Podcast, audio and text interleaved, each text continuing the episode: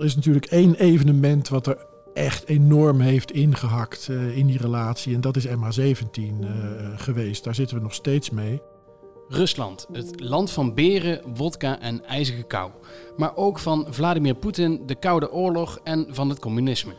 Iedereen heeft zo zijn eigen ideeën bij Rusland. En daarom is er een onderzoek gedaan naar wat wij denken als wij aan dat gigantische land ten oosten van ons denken. En wat blijkt? Een derde van de Nederlanders is bang voor Rusland. In Achter het Verhaal praat ik, Kevin Goes, vandaag met buitenlandcommentator Bob van Uwet over ons gevoel als het over Rusland gaat. Angst dus bij uh, een derde uh, Bob. Um, vind je dat veel? Nou, ik denk dat het wel, uh, wel, wel redelijk representatief is. je hebt, je hebt mensen inderdaad, een derde ongeveer, die, die bang zijn voor Rusland. En ik denk dat dat gebaseerd is op wat we hebben gezien de laatste jaren. Uh, en de rest weet het niet of, ja, of is helemaal niet bang voor, voor Rusland. Dat ja, want deze cijfers komen uit uh, de buitenlandbarometer van instituut Klingendaal. Ja. Ze hebben dat drie keer gedaan hè? en dit is het eerste verhaal wat wij maken op basis van die barometer. Ja. Klingendaal even neerzetten, wat is dat voor een ja, Klingendaal is een onderzoeksinstituut in, uh, in Den Haag en zijn uh, gespecialiseerd in, in buitenlandse zaken, hè, dingen die ons, uh, ons aangaan. En de reden dat ze dit hebben gedaan is, um, kijk, ze zeggen we, volgend jaar zijn er dus verkiezingen in Nederland.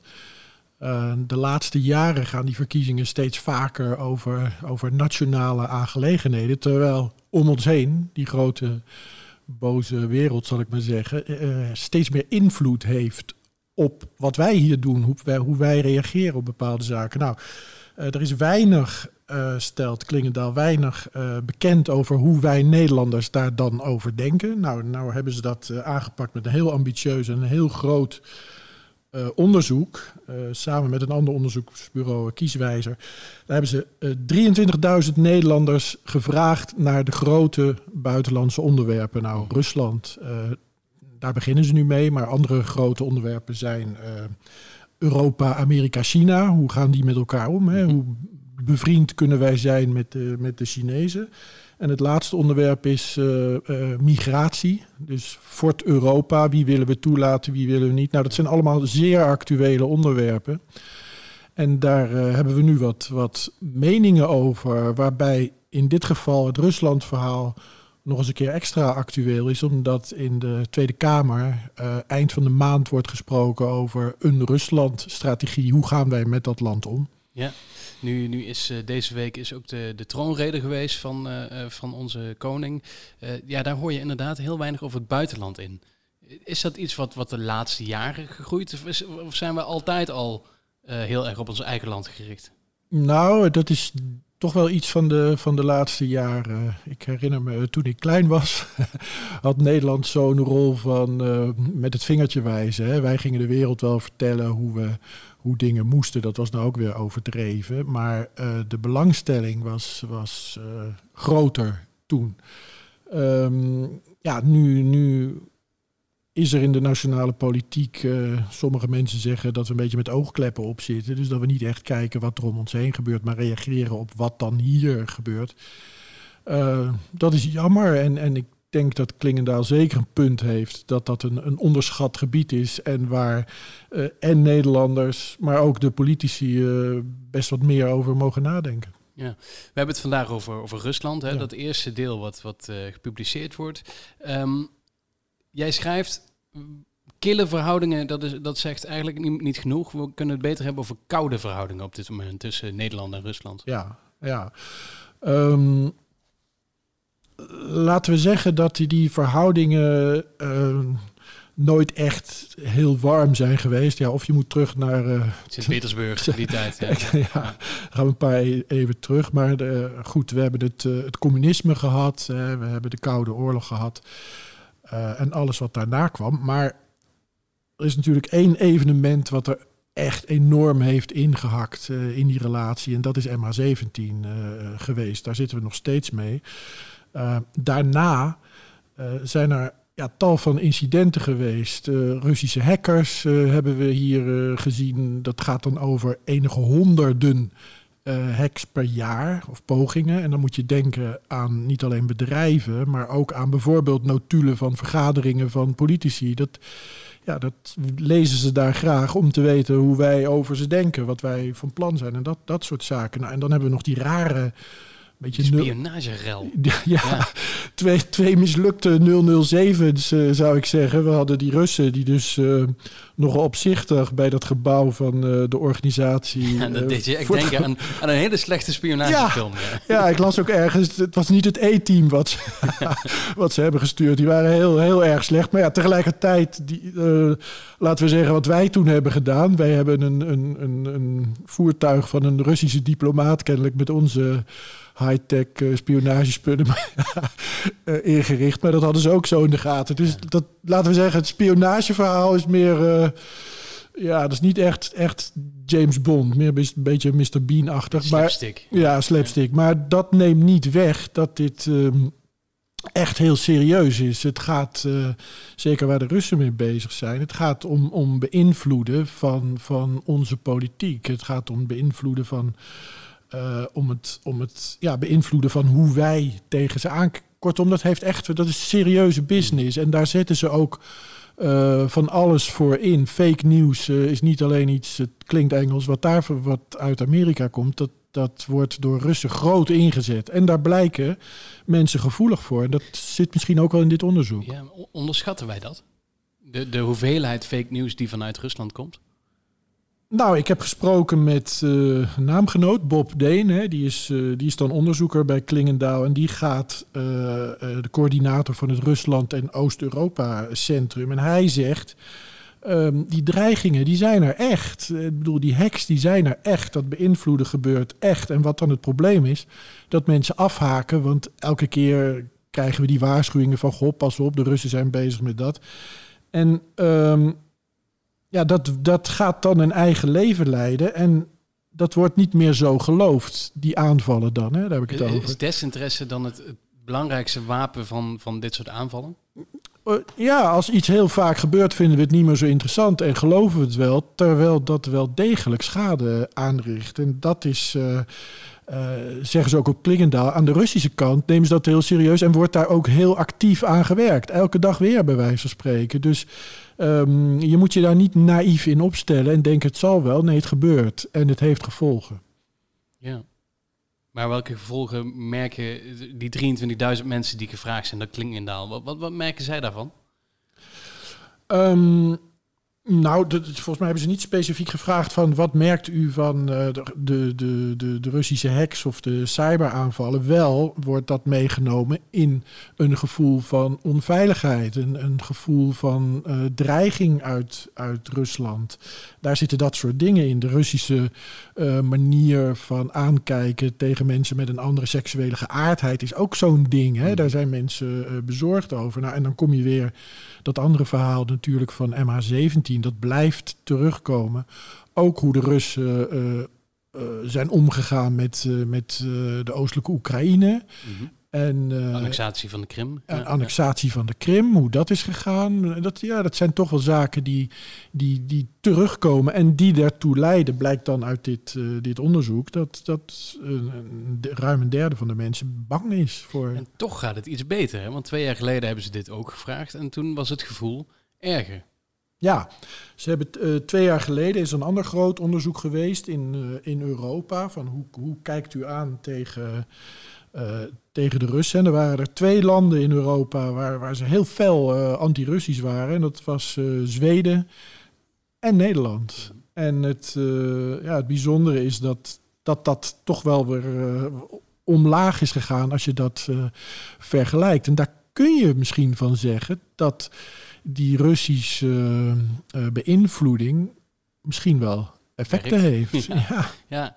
ja um, wat, wat ook een geval is, wat nu de afgelopen maand speelt, is natuurlijk de, de vergiftiging van uh, Navalny. Hè? Uh, die in Duitsland in een ziekenhuis nu weer aan de beterende hand is. Eh, maar in Duitsland gaan er heel veel stemmen op van, nou ja, weet je, hoe raken we Rusland nou, wat moeten we nou doen, is die grote gasleiding afsluiten die van Rusland naar Europa loopt.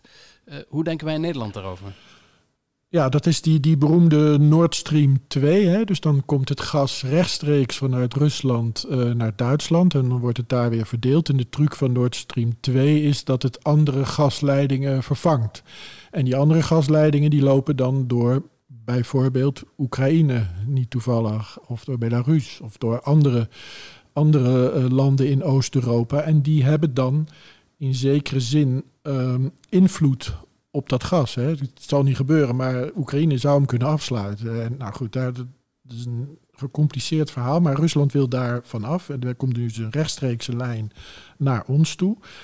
Um, ja, dat is nu uh, is dat weer in discussie. Want uh, met name in Duitsland hebben ze wel een paar voorbeelden gehad van zaken waar ze niet zo blij mee zijn. Navalny was de laatste, maar er was ook nog eens een keer een moord op een, uh, een Georgiër. Ja.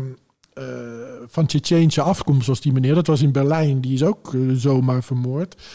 er is een, een hackaanval geweest op de Duitse Bondsdag. Daar waren ze ook niet erg blij mee Kortom, daar zeggen mensen van ja, er moet nou wel iets, iets, iets gaan gebeuren.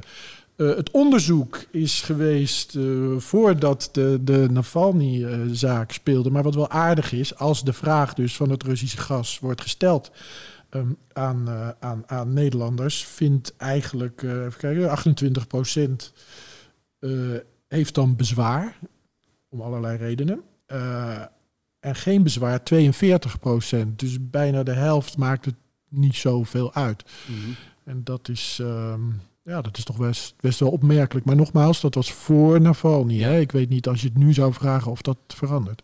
Ja, het is natuurlijk in hoeverre speelt het Navalny-verhaal. Kijk, in Duitsland speelt dat heel erg, omdat ze die man ook naar Duitsland toe gehaald hebben. Uh, denk je dat wij in Nederland, uh, je hebt het al over, over onze oogkleppen gehad, dat wij ons toch een beetje afsluiten voor zo'n verhaal? Ja, wij zijn misschien uh, pragmatischer. Want als, er, als wij er al problemen mee hebben, dan draait het meer om dingen van. Ja, uh, gas en olie, dat zijn allemaal ouderwetse uh, energie. Minsk bijvoorbeeld wordt bij ons ook niet zo beleefd. Hè, we zijn er niet dagelijks mee bezig. Nee, nee, nee. Maar dat is niet direct Rusland. Maar dat, dat de invloed van Rusland is, is daar, daar natuurlijk enorm. Maar ik denk wat echt ook wel meespeelt, is dat eh, ja, uh, wij zijn niet zo meer geïnteresseerd in het buitenland. We zijn vooral uh, met onze eigen problemen bezig. En toch is ook bij die 23.000 mensen is ook gevraagd van, nou, wat, wat stem je nou? Wat is jouw uh, politieke achtergrond? En daar komen ook wel interessante dingen uit naar ja. voren. Het kan een beetje een open deur zijn, maar toch is het wel interessant dat D66 en GroenLinks stemmers, die zijn eigenlijk het meest bang voor Rusland. Ja. Waarom? Um, een verklaring um, is dat um, uh, aan die kant men, men bezorgd is, bijvoorbeeld over het vervolgen in Rusland of, of het, het, de, de aanvallen die er zijn geweest op, uh, op, op minderheden, op de homo's en de lesbiennes en dat soort, dat soort zaken. Dat wordt heel hoog uh, opgevat, met name bij D66. Dat vindt men erg. Bij aan de GroenLinks-kant ja, zijn er ook zorgen over dat uh, die Russische energiebronnen, dat is allemaal ouderwets, daar zit niks nieuws mm. bij, weet je. Daar, daar is, dat zou men ook liever uh, anders zien. Dat zijn zaken ja. die spelen. Maar vooral die, die problemen van mensen met een, met een uh, afwijkende, zal ik dan maar zeggen, uh, seksuele geaardheid die in Rusland spelen, dat wordt hier hoog opgepakt. Ja, want hier zijn we natuurlijk heel vooruitstrevend. ja, ook, ook een open deur, maar toch ook wel weer goed om te benoemen. FVD en PVV-aanhangers, die zijn dan weer het meest positief over Rusland. Ja, die, nou ja, vooral over Poetin. Over de manier waarop uh, Poetin uh, leiding geeft. En in de toelichting kreeg ik te horen, dat heeft ermee te maken. Poetin uh, of het klopt of niet, doet er even niet toe. Maar uh, Poetin heeft het imago van iemand die staat voor het traditionele in Rusland. En dan krijg je ook weer die botsingen natuurlijk met, met, uh, met, met de homogemeenschap ja. en dat soort zaken. Poetin zou duidelijk zijn in hoe hij tegen de wereld aankijkt. Nou, allemaal van dat soort zaken die voor een deel denk ik niet kloppen. Maar dat is wel het beeld wat, wat wordt geschapen. De sterke leider. De sterke leider die geen twijfel heeft, die het allemaal wel weet. En dat is een, uh, een, ja, een, een beeld wat mensen die, die PVV stemmen uh, en ook Forum, uh, ja, dat spreekt ze aan. Ja, want ze hebben natuurlijk zelf ook een sterke leider eigenlijk in hun, in hun midden. Hè? Iemand die zij graag zouden zien op een plek. Die, ja, een vertrouwen in dat die uh, sterke leider de, de problemen wel op kan lossen. En niet, niet te veel aarzelt. En gewoon recht toe, recht aan uh, beslissingen neemt. Daar staat Poetin trouwens om, om bekend. Hè? Poetin. Ik heb er nog eens wat, wat over, over teruggelezen hoe Russen uh, Poetin beschouwen. Poetin is. Uh, wij denken dan van de grote schaker, de grote stratege. Dat, nee, Poetin is veel meer een opportunist. Iemand die als er ingegrepen moet worden, ook ingrijpt. Poetin staat veel dichter, denk ik, bij Trump dan wij vaak denken. Dus allebei hechten ze zeer aan hun populariteit, vinden ze heel belangrijk. En allebei uh, vinden ze dat je niet te lang moet, moet zeuren, niet te lang moet nadenken, maar willen ze spijkers met koppen slaan. En dat, ja, dat zullen ze in elkaar waarderen, denk ik. Ja. We hebben het nu wel de hele tijd over wat wij van Rusland vinden. Uh, weten we ook wat zij andersom van ons vinden? Ja, dat hebben we Joost natuurlijk gevraagd. Hè? Joost Bosman, dat is onze correspondent in, uh, in Rusland. En die maakt een, een, een, flink kader over hoe de Russen dan over ons denken. Nou, over het algemeen kun je zeggen dat ze ons best wel oké vinden. Hè? Ze bewonderen ons. Alles is hier, schrijft Joost, uh, aangeharkt. Dat vinden ze leuk. Ze vinden het leuk dat bij ons de premier of, of, of ook de burgemeester van Amsterdam gewoon door de stad fietst. Dat, dat, dat spreekt ze wel aan. Um, zoals die zei, een een burgemeester die gewoon in een trui op de fiets naar een evenement komt. eh, dat is niet echt iets. Vinden wij heel normaal. Ja, ja dat vinden wij normaal. Maar Russen die, die kijken daarvan op. Die vinden het ook heel leuk wat er uh, hier allemaal kan. Hè. Dat, dat gevoel van, van vrijheid, hoge welvaart, gezondheidszorg hier. Dat zijn ze ook zeer over te spreken. Um, maar, zegt hij, uh, waar Russen dan toch wel moeite mee hebben, zijn dingen die wij ook uh, waar we ook om internationaal uh, onbekend staan. De, ons drugsbeleid, de prostitutie. Um, wat hij zegt, immigranten mogen zich misdragen in Nederland. Dat is dan het uh, idee van, ja. van, van Rusland. En dat zou allemaal niet kunnen. Nou ja, plus zoiets als de, de, de, de de, hoe noem je het weer? De parade in Amsterdam en zo. Ah. Dat soort. soort ja, de, ja, de, ja, dat. is toch weer die, die homoseksualiteit. Ex, exact. Dat. Daar hebben ze toch wel moeite mee. En, en dat, ja, dat verklaart ook dat er in Rusland niet zoveel oppositie is als Poetin daar. Uh, ja, want dus de gewone burger vindt dat dus eigenlijk ook.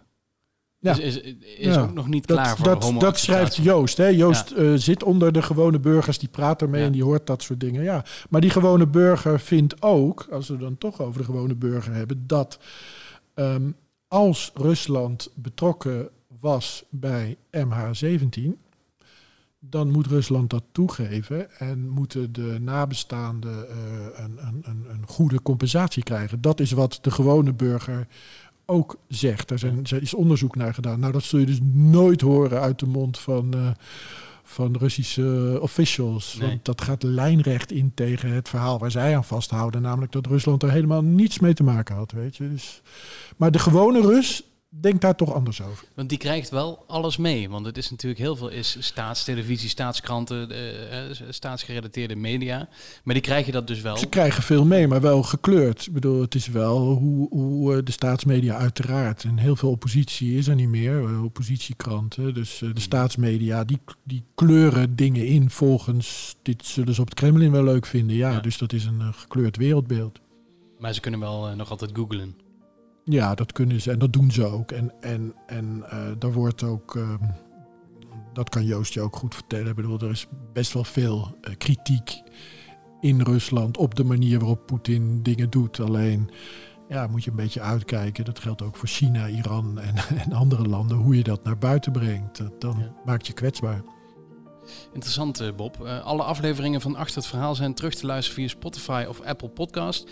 Bijvoorbeeld ook aflevering 56. Bob zat toen ook hier aan tafel. Uh, toen hadden we het over huursoldaten. Ook leuk om, uh, of leuk, interessant om te horen hoe dat in elkaar zit.